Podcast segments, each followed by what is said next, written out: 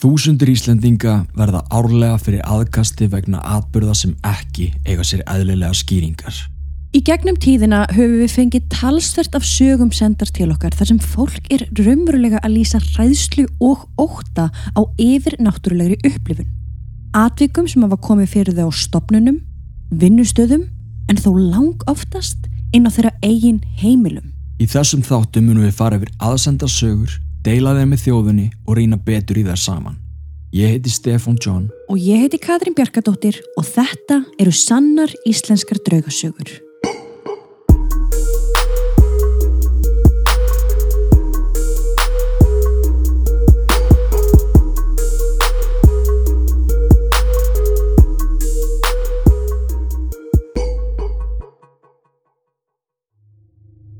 Áður en við byrjum er rétt að taka fram að sögurnar sem teknar eru fyrir í þessum þáttum eru ekki í nefni ákveðinni tímaröð sem þær eru sendar okkur, heldur af handahófi. Eftirfarandi sögur eru sannar og koma frá fólki úr öllum stjættum þjóðfélagsins. Allt eru þetta mismunandi einstaklingar á mismunandi aldri.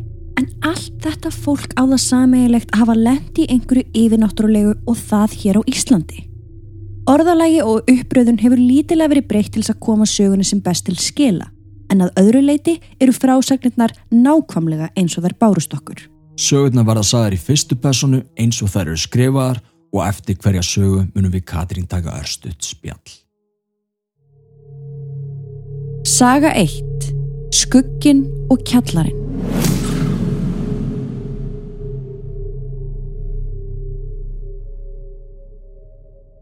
Hæ hæ, ég er búin að vera að hlusta okkur í smá tíma núna og ég varð ástfangin á fyrsta þætti.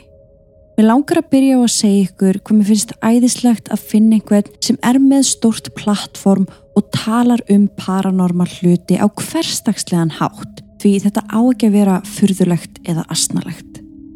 Mér langaði að segja ykkur nokkrar sögur frá mér en ætla að kynna mig smá. Síðan ég fættist höfum við mamma verið á þvíliku flakki milli íbúða og hverfa. Setna kemur lítill bróðir inn í myndina. En þessi atvik gerast á mismunandi stöðum. Fyrsta frásögn. Fyrsta draugalega atvikið gerist þegar ég er í kringum 11 ára. Ég bý sem sagt með mömmu minni og litla bróður í lítilli þryggja herbergja íbúð í Hraunbænum í Árbæ. Eitt kvöldið satt ég í sófanum sem var fram í stofu og var eitthvað að gera í tölfunni og meðan mamma var inn í herbergi að svæfa litla bróðu minn. Sófinn sem ég seti snýr í átt að eldúsinu sem var frekar opið inn í stofuna. Ég bara slaka á þegar ég sé einhvern skugga hlaupa inn í eldús. Ég er smá smeg og hjartað byrjar að fara á fullt en ég kík inn í eldús og kalla Mamma! En engan sá ég. Mér bregður alveg svakalega og fer inn í herbergi til mömmu skjálfandi úr hræðslu og segi henni hvað ég hafði séð. Hún trúir mér og reynir að róa mig niður með því að segja að afi minn hafi bara verið að fylgjast með mér. En því miður þá var það ennþá meira stressandi þar sem afi minn dó nokkurum árum áður en ég fættist og ég þekkt hann ekki neitt. Núna þegar ég hugsa tilbaka líður mér þó vel við tilhugsununa að hann hafi verið að fylgjast með mér. Önnur frásögn. Þetta atvik gerist þegar ég er 15-16 ára og ég er í fóstri á ásfallagötunni í Vestubænum. Mér leið aldrei vel á þessu heimili. Ég fann fyrir óþægilegri orku frá fólkinu sem ég bjó með og það var alltaf kallt í húsinu. Þegar ég var búin að búa þarna í smá stund var ég byrjuð að finna fyrir einhverjum standa við hliðin á rúminu mínu og stara á mig. Fyrst er þetta það eina sem ég hunsa en þetta er svona okkur einustu nóttu þannig ég byrja að finna ró með þessari mannesku og finna enga þörf til þess að segja einhverjum frá. Þegar að líður á tíman er ég eitthvað að tala við ömmu mína um þetta og hún trúir mér. Eftir að ég talaði um þetta hætti ég að finna fyrir þessari nærfuru og fann ekki fyrir henni í nokkrar vekur. Svo byrtist hún aftur en í þetta skiptið er hún ekki einn. Ég finn núna fyrir tveimur verum. Það trublar mig samt ekki og sama róin er aftur komin. Einn daginn eftir skóla ákvaði ég að leggja mig fyrir dansæfingu. Það sem ég dreymdi var mjög skrítið og óþægilegt. Mér dreymir um mannin sem stendur við rúmið að ég held og hann heldur mér í kjallara og ég föst í keðjum við rúmið sem ég lá í. Hann var rauðherður, lávaksinn og þippin og mjög ókvænglegur. Ég er með meðvitund á meðan ég sef en næ ekki að opna augun nýja reyfa mig. Ég hugsaði allan tíman, ég verð að vakna, ég verð að vakna, en ekkert er að virka. Ég ligg þarna í kannski fimm mínútur að reyna að vakna, en svo vakna ég þegar fósturumamma mín lappar inn í herbergi og fyrir að tala við mig.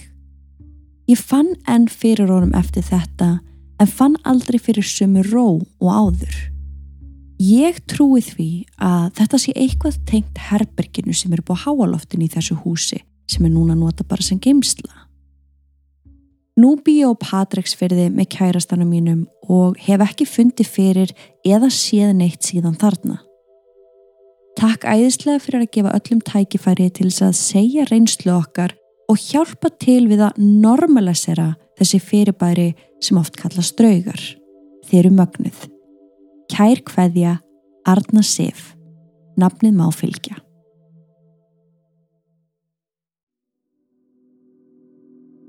Takk fyrir frásögnuna þína Arnarsif og takk fyrir að hlusta. Byrjum á fyrsta atveikinu þar sem þú sér skuggaverun að hlaupa inn í eldús. Þetta gæti í rauninni verið hver sem er, að því að skuggaverur eru út um allt þó við sjáum það ekki.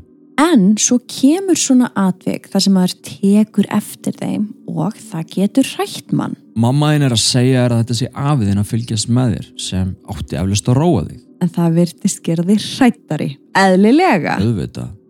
En hún trúi þér og gefur þér þessa skýringu strax sem lætur okkur veltaði fyrir okkur hvort að hún sjálf hafi upplifað eitthvað svipað og þá tengt af að einum. Akkurat eitthvað sem að hún þekkti. Já. Hefur þú prófað að spurja hana að því? Þú tekur það að vísa ekki fram hvort að hún hafi sjálf orðið smeg þegar þú sagðir henni frá því sem þú sást. En ef hún kifti sér ekki mikið upp við þetta, Þá gæti það verið líklegt. Hún sjálf var búin að vera vör við skuggaverur og kannski var hún búin að fá staðfestingu á því að þetta væri afiðin og þess vegna var ekki dótast. akkurat, það er fyrsta sem ég dætt í hug. Já. Önnur frásögnin gerir svo þegar þú ert í fóstri og um 15 eða 16 ára gömul. Það er út af fyrir sig erfiður aldur. Mjög erfiður aldur. Þú verður vör við einhvern standa við rúmið þitt en þú nærð að finna fyrir ró. Þú segir svo frá atvikinu einhverju síðar og þá hættir þessi nærvera. Nema hvað, hún kemur svo aftur og í þetta skipti var einhver annar með þessari veru. Þú finnir samt aftur fyrir ró og þetta verðist ekki hafa allt og mikil áhrif á þig. Það að þú finnir fyrir ró er skýrt merki um að þarna sé ekki eitthvað neikvætt á sveimi. Þú veist ekki sammála því? Algjörlega. Og þess vegna er alveg hægt að setja spurningamerki við draumin sem þig dreymir og hvort að hann tengist þessum tveimur verum eitthvað yfir höfuð. Mm Kanski voru þær að vernda þig fyrir einhverjum sem fylgdi húsinu. Þú lýsir þarna sveflömun, þar sem greinilega einhver var að ganga á þig. Greinilega einhver sem vildi gera þér mein. Þú manns hvernig viðkomandi leit út og þú nærði ekki að vakna fyrir einhverjum mínútum setna. Mm Hvort að þetta neikvæða afl sé tengt herberginu upp á háalofti er erfitt fyrir okkur að segja til um þar sem við þekkjum ekki söguna. Mm En þú sjálf vilt setja sama sem merki þarna á milli og það gæti bara alveg verið rétt hjá þér. En aftur, það er ekki vikst að verurna við rúmið tengist neikvæða aflinu í draumnum. Mér persónulega finnst líklega að þetta sé aðskilið. Þarna þarna tvennt hafa einhverju verið að vendana, Mhm. hún er á rosalega erfiðum aldri, hún er greinilega á fósturheimili, veist, þetta er kannski erfiðar aðstæður. mjög erfiðar aðstæður og getur einhverja verndana Mhm. af því að mögulega er eitthvað í húsinu sem er stert sem getur gengið á hana þegar hún er svona opin. Já. Þú er ekki fundið neitt síðan sem er gott en ég held að þú sért með einhverja verndar þarna í kringu þig sem eru fljótir að bregðast við aðstæðum sem að gætu mögulega að skaða þig á einhvern nátt.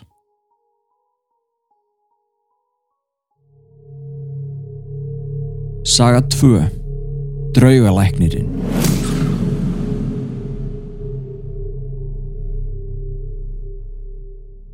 Takk fyrir frábært podcast. Í síðasta þætti sögðustu vilja heyra sögur af sjúgróðsum á Íslandi. Við hjónin höfum enga útskýringa á því sem fyrir fóra á þessum degi, en svona hljómar sagan. Árið 2014 fætist okkur indislega stúlka.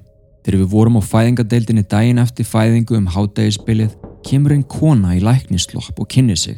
Við munum ekki hvaða nafn hún gaf upp, en hún tekur upp skjalið sem er við rúmgablin og byrjar að lesa gögnin um konuna mína. Hún er flogaveik og er á nokkrum livjum vegna þess. Hún segir við konuna mína að hún megi ekki gefa stelpun okkar brjóst vegna livs sem hún sér hann að vera á. Við tökum því sem gildu og hún lappar út úr herberginu. Um 3-5 mínútum setna kemur vaktar hjúgrunafræðingurinn inn og spyr hvort allt sé ekki fínasta lægi. Við viljum fá fleiri útskýringar út af hverju kona mín má gefa brjóst og byggðum þar um að kalla aftur á konuna sem var inni hjá okkur og lýsum hvernig hún leit út. Hjúgrunafræðingurinn hefur ekki hugmynd um hverja við erum að tala um. Við sáum þessa konu aldrei aftur þessa fjóra daga sem við vorum inn á deildinni sem var svo læknandir getur fylst með líðan konuna minnar eftir fæðingu vegna floga veikinar. Stúlkan okkar fór aldrei á brjóst því hvað áttu við hann að gerna hlýða á læknisráði. Sónur okkar fæðist síðan 2017. Við fengum ekki þessa heimsók þá og spörðum lækni hvort hún mætti gefa stráknum brjóst út af fyrir ábendingum. Hún sagði að vera allt í lagi að gefa honum brjóst Þó hafði livjaskamtu konar minnar ekkert breyst frá því árið 2014. Eða góðan dag. Gæsa húð. Mm -hmm. Við erum eiginlega bara orðlaus. Þetta er hinn fullkomna draugasaga. Já, og við verðum eiginlega bara að spyrja á hvaða spítala átti þetta sér stað. Akkurat, ef þú vilt segja okkur það, endilega senda okkur skilaboð eða tölvupóst og eins og alltaf þá lofum við nafnleint en mm. þetta er bara mjög áhugavert. Já, við erum eiginlega orðlaus og það sem er svo merkilegt hér er auðvitað hlýðin í læknisræði. Auðvitað gerir þið það, en mér heyrist samt á ykkur að ef konan þín hefði mátt gefa brjóst sem hún mátti greinlega ef ekki hefði verið fyrir þessa aðtjóðasemt draugalæknisins, þá hefði hún gert það. Já en út af þessu atviki þá er stór ákverðun tekin að gera það ekki skiljanlega Þetta hafði bara það mikil áhrif Já. En að þið eignin síðan dreng 2017 og að þá fáum grænt ljós á brjóstakef þrátt fyrir lifin er reynilega ótrúlegt. Veistu bara hver ætli þessi kona sé, ætli þessi bara læknir sem er ennþá vakt bara? Já og hversu margir ætli hafi séðana og Já, kannski fyllt einhverju læknisráðu frá henni. Já, ég meina þetta er oft svona á spítulum það eru margi sem að koma stundum ekki eins og svo sami hversu margir hafa orðið varið við þessa konu? Já, og kannski fengi einhver ráð sem að make engan sens, ég ætla að nota tækifæri núna. Ef það er einhver hérna sem er að hlusta sem mm. hefur lendt í svipuðu atviki, Já. þá væri alveg áhugavert að það væri hægt að sapna einhverjum sögun saman um þennan ákveðna spítala. Ég bara hugsa upp átt Já, kannski einhverja lýsingu á því hvernig hún leit út. Já, já, já, en ég er allavega einn stór gæsa húð, mm. þetta var góð saga. Takk hérlega fyrir Saga 3 Mínar góðu frásagnir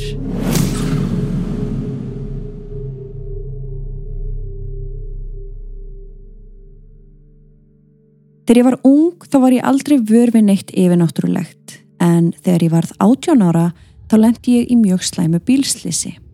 Ég slasaðist það mikið að ég þurfti strax akut skurð aðgerð á hvið og ryggbrotnaði einnig. Við aðgerðina á hviðinum var ljóst að ég hafði mist mikið blóð vegna innvortis blæðinga og fór í hjartastopp á aðgerðaborðinu. Mér var komið fljótt aftur í gang og hvið aðgerðin hefnaðist. Þegar ég man fyrst eftir mér og opna augun eftir aðgerðana á gjörgæslu setur gömul kona í stól við rungablinn hjá mér. Hún var í gamaldags fötum, lítil, þjættvaksinn og búlduleit með eina stóra þykka dökka fléttu niður eftir bakinu og hún var að prjóna. Þegar hún sá að ég var að horfa á sig þá stóð hún upp, grúfði sig yfir mig, kisti mig á ennið, brosti til mín og gekk í burtu frá rúmunu án þess að segja stakt orð. Þvílik gæska sem ég fann að streymdi frá þessari konu. Þegar ég man næst eftir mér voru hjúgrunafræðingar, læknar og mamma að stumra yfir mér og ég spurði hvar gamla konan væri sem var svo góð og satt yfir mér. Kjæltu þetta bara hún væri starfsmæður. En það hefði engin verið hjá mér nema mamma. Starfsfólki vísaði þessu frá að sennilega væru sterku lifin að valda ofskinjunum. Ég var ekki sátt við þessa skýringu. Nokkrum dögum setna þegar ég var orðin aðeins skýrari í hugsun lísti ég þessari konu fyrir mömmu minni. Mamma sagði mér að ég væri að lýsa langömmu minni sem er lungu látin. Ég fekk svo að sjá mynd af henni setna og jú, viti menn, þetta var sama kona. Eftir þessi kynni við langömmu mína er eins og ég sé opnari og skinni betur það sem er hulið. Ég held hún hafi verið send til að fylgja mér ef ég skildi ekki lifa af. Fimm árum setna árið 2002 þá fluttum við í gamalt hús hér í bæ. Ég var ólétt af barni nr. 2 og eldri strákurinn okkar tveggja ára. Ég vissi að það hafði maður framið sjálfsvík í húsinu nokkrum árum áður. Góður maður. Okkur leið vel í þessu húsi. Maður minn var að vinna og var stundum tvær til þrjár vekur í burtu í einu. Eldri sonur okkar var í herbergi við hliðin og hjónaherberginu. Við vorum að venjan við að sofa í rimlarúmi af því að það var annað barnvæntanlegt. Eldri sonur okkar var mjög rólegt barn og gata hann dunda sér lungum stundum í leikin í herberginu sínu. Hann var að byrja að tala og bablaði oft heil óskup í leik inn í herbergi. Ég heyri einn daginn frá herberginu að hann segir nafn mannsins sem hafði fyrirfarið sér í húsinu. Engin annar sem hann þekkti bara þetta nafn og hann hefði ekki átt að þekka það. Ég fór þá betur að fylgjast með honum og það var eins og hann væri að leika við einhvern. Eins og að rétta út dótið sitt, sína dótið og oft í hörku samræðum og alltaf horðan í sama hornið í herberginu. Annað sem ég varð vör við í húsinu var að þegar ég var komin á síðari hluta meðgöngunar og hægt að vinna var því ég lungum stundum í sófanum en þar fannst mér best að sofa. Þegar ég vaknaði aftur var alltaf búið að slökva á millistikkinu við sjónvarpið og slökva öll ljós í húsinu þó að ég hefði skilið það eftir kveikt. Þetta gerðist bara þegar maðurum minn var í burtu vegna vinnu. Ég hafði á tilfinningunni að það væri verið að passa upp á okkur og mér leiði vel þarna.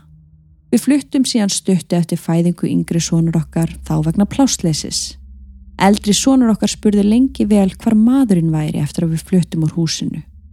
Ég komst svo að því setna að maðurinn fyrirfóð sér í horninu í herbergi sónur okkar. Ég vinn í dag sem sjúkraliði á hjúgrunarheimili. Ég hef síðan marga farið við móðuna miklu, hughreystau og hjálpað. Mart hefur gerst þar, sérstaklega á næturvöktum þegar að ró er í húsinu. Hlutir sem að ekki er hægt að útskýra öðruvísi en yfirnáttúrulegt. Svo sem kvísl, flöyt, lykt sem fer ekki á melli mála, hurðaskellir, ósynilegir liftufarþegar og stólar og bækur á ferðalagi. En aldrei hef ég orðið vörfið eitthvað slæmt eða slæma tilfinningu. Þetta eru bara vinir að kíkja heimsókn. Tviðsásunum hef ég lappað inn í hús. Anna var eigðibíli og hitt gamalt hús hér í bæ og fundið að ég er ekki velkomin þangað. Þá fekk ég svo sterka tilfinningu að forða mig burt, varð kallt og fann fyrir verk í maga og höfði.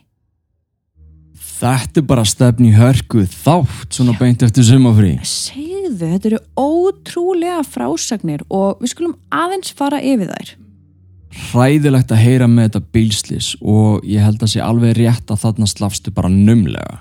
En þinn tími var ekki komin og við vonum að þú hafi náð heilsu aftur. Þegar þú rankar við þér þá serðu þessa konu í stólnum og þegar þú segir mömmuðinu frá þessu þá segir hún þér að þessi lýsing passi við langa með þína. Þú ertu vissum að hún hafi verið sendt þess að taka á móti þér skildir þú ekki lifa af. Og ég held að það sé bara alveg rétt hjá þér. Já. En það er líka ekkert að horfa á þetta þannig að hún sé verndarinn þinn og hún hafi ákveðið að vera hjá þér þanga til þú varst örug mm. og síðan hveður hún þig á þann fallega hátt. Þú talar um að starfsfólk spítilans kenni sterkum verkjalifum um þessa lífsreynslu þína mm -hmm. og þetta er alveg möguleiki að fá ránkumundir undir mikill í streitu og miklum livjum En ég vil alveg trúa því að við finnum fyrir því sjálf hvað sé rétt og hvað sé rámt. Þú sást þessa konu svo vel, nánast öll smáatriði. Þú fannst orkuna frá henni. Hún kom til þín og kisti þig áður hún kvatti. Akkurat, þetta er allt svo raunverulegt Já. og ef við hugsum um það, raunverulega, af hverju er það eitthvað ótrúlegt að látnir ástfinnir láti sjá sig og erfiðum tímum í líf okkar? Er það ekki bara fullkomlega eðlilegt? Akkurat, Akkur er þetta svo mikið tabú? einmitt. Og akkurat þessi tími þar sem að þú ert óviss, jáfnvel hræðsla á meðal ástvina. Já, En ok, fyrir þá í frásögnuna sem gerist inn á heimili ykkar. Mhm. Þú talar um að góður maður hafi látið lífið þarna inni og að þér hafa ekki liðin eitt illa þarna inni. Jáfnvel þvert á móti. já, Svo byrjar að vera vör við það að sonur þinn er að bæði leika og tala við einhvern inn í herberginu sínu. og þetta er svo eðlilegt hjá sumum börnum að Já. leika og tala við einhvern sem engin annar sér. Mm En eins og við hefum oft sagt þá eru börn svo opin og þau skína svo skært þannig að framliðinir laðast að þeim. Það er samt alltaf best að hafa varan á Mm. af því það er ekki alltaf jákvæð öll sem að nálgast blessuð börnin af, Því miður. af því þau eru eins og seglar, það bara sogast að þeim þessar orkur. Mm Þú kemst síðan að því að maðurinn góði hafi dáið inn í herbergi svona eins. Já og akkurat semst í þessu horni Já, sem drengurinn var alltaf að horfa á og einhvern veginn svona leika við einhvern sem var þar mhm, og ég held að þetta sé nokkuð svart á hvítu bara. já. Sonurðin var að sjá elsku mannin og hann var greinlega ekki hrættur. Það er misjant hvernig börn taka í svona lífsreynslu en hann hefur líklega ekki verið hrættur fyrst hann var að bara leika við hann og tala við Nei. hann og... Alls ekki sko. Þú tala líka um að það hafi verið slögt á millistykkinu og ljósum þegar þú sopnar í sófanum þá þegar maðurinn var ekki heima þannig greinilega bara einhver að passa upp á þig Og það er erfitt að vera ófrískur. Hvað þá með annað lítið barn sem þarf stanslösa aðtegli? Þú hefur eflust þurft á smá hjálp að halda á meðan maðurinn þinn var að vinna og þá hjálp fjöxtu. einmitt, bara já, hæ, við skulum slökka hérna á öllu svo hún glýmið því ekki Einmitt. Þú er greinlega næm og opinn sem getur eflust verið krefjandi fyrir sjúkralega. En varninda þínar eru greinlega sterkar og nokkrir vendarar eru greinlega í kringu þig. Takk kærlega fyrir sögurna þínar og við óskum þér alls hins besta.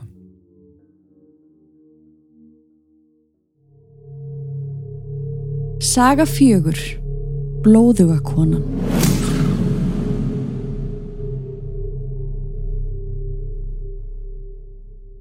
Hæ hæ, ég hef aðeins fyrir að hlusta á ykkur Katrínu þar sem ég var að koma úr nýjaðgerð og hef mikinn tíma og er að stýta mér stundir.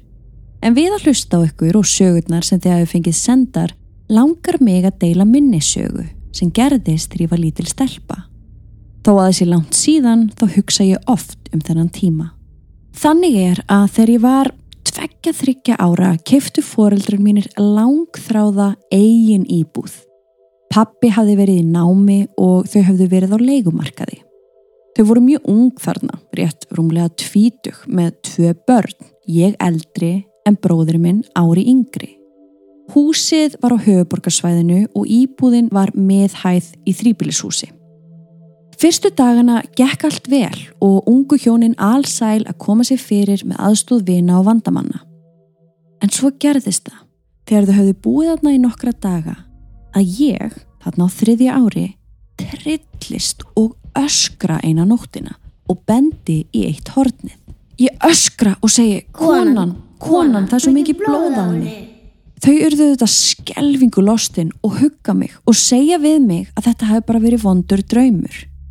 Eftir að ég er sopnuð þá ræða þau um þetta sín á milli að þetta hafi nú verið meiri martriðin. Þess skal geta að þau þekktu engan á þessu svæði. Þau voru alveg ókunnug hverfinu og öllu fólki sem bjóð þarna í húsinu og í nágrenninu. Svo gerist þetta ítrekkað og þá sérstaklega á kvöldin og á nóttunni að ég trillist og tala um konuna sem er með svo mikið blóð. Ég man ekki mikið eftir þessu, bara óljóst. Man eftir horninu og einhverji brjóstmynd af þessari konu. Fóreldra mínir sögðu mér meira frá þessu sem gerðist á þessum fyrstu árum okkur þarna þegar ég komst til vits og ára. Þetta var farið að valda ungu hjónunum miklum áhyggjum og þau voru farin að vera tölvert smeg í íbúðinni, sérstaklega mamma. Stundum heyrði mamma eins og einhver væri að ganga um gangin á pinnahælum. Það voru líka för í golfdúknum eftir pinnahæla. Hún reyndi að íta þessu frá sér og hugsaði að þetta væri öruglega bara ímyndun út af þessu með blóðugu konuna. Nú er svo komið að þau fara að spyrjast fyrir um fólkið sem bjóð þarna áður. Þau vissu að íbúðin hafði staðið auð í einhver tíma. Þau fóru að spjalla við nágrana og þá var þeim sagt að þarna hefðu búið hjón og að þau hafi átt í einhverjum erfileikum og þau hafi ætlað að skilja. Allavega vildi maðurinn skilja við konuna. Svo eitt kvöldið fóruðu út að keira og voru eitthvað að rífast í bílnum þannig að konan opnar hörðina á ferð og hendi sér út. Hún slasast mikið og lést síðan af sárum sínum. Þetta fannst foreldrum mínum ekki auðvöld að heyra og þeim hann kallt vatn millir skins og hörunds. Þau voru ekki skegn og hafa aldrei verið það. En eitthvað urðu þau að gera. Þau fengu föður ömmu mína til að finna eitthvað miðil sem kom og reynda að blessa heimilið. Þau stóðu bara þarna og vonuðu það besta. Eftir þetta datt allt í dúnalogn og litla þryggjára ég hætti að tala um blóðugu konuna og okkur leita ásamlega í sér íbúð. En svo nokkur mánu setna þegar ég er orðin fimm ára þá gerist svo litið sem ég man eins og það hafi gerst í gær. Við sískinin erum ein heima með mömmu og erum að fara í drekkutíma. Þá er ég að koma út af klósettinu. En þá stendur falleg brosandi kona á ganginu. Vel greitt í brúnu pilsi og í grætni peysu og í pinnahælum.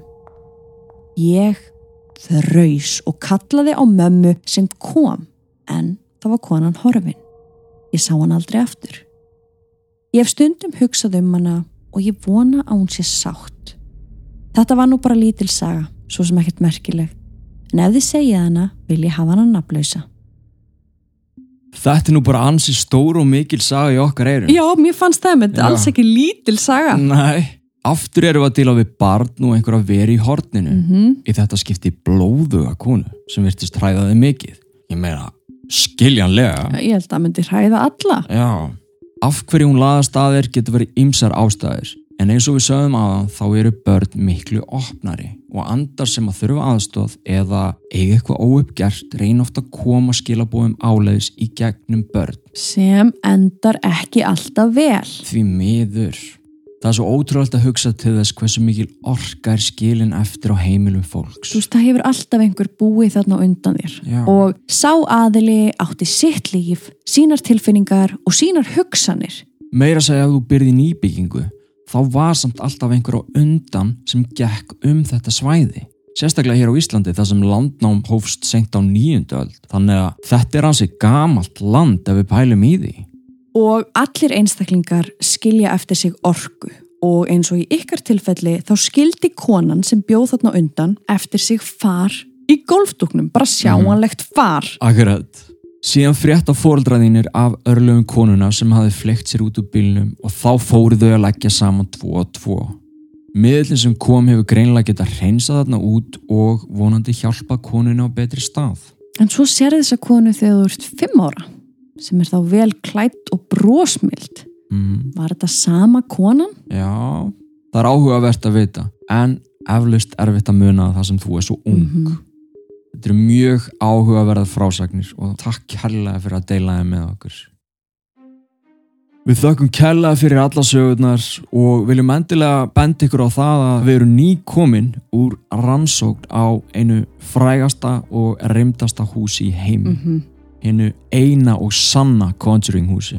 Inn á patreon.com skástrík draugasögur eru yfir 20 myndbönd, auka þáttir sem við gáum út bara um þessa rannsók. Þetta er ólýsanlegt, bara endilega kíkið á þetta. Þetta er eitthvað sem að drauga áhuga menn ættu ekki að láta framhjá sér fara vegna þess að það gerast ótrúlega hlutir. Þetta var laung og erfið ferð en algjörlega þess verði. Endilega kíktin á patreon.com skástrík draugasögur. Sannar íslenska draugasögur er vikulegt hlaðvarp sem kemur venjulega út á föstu dögum klukkan 12 á hátegi. Svo lengi sem okkur halda áfram að berast sögur frá ykkur í gegnum draugasögur at draugasögur.com mert aðsendar sögur.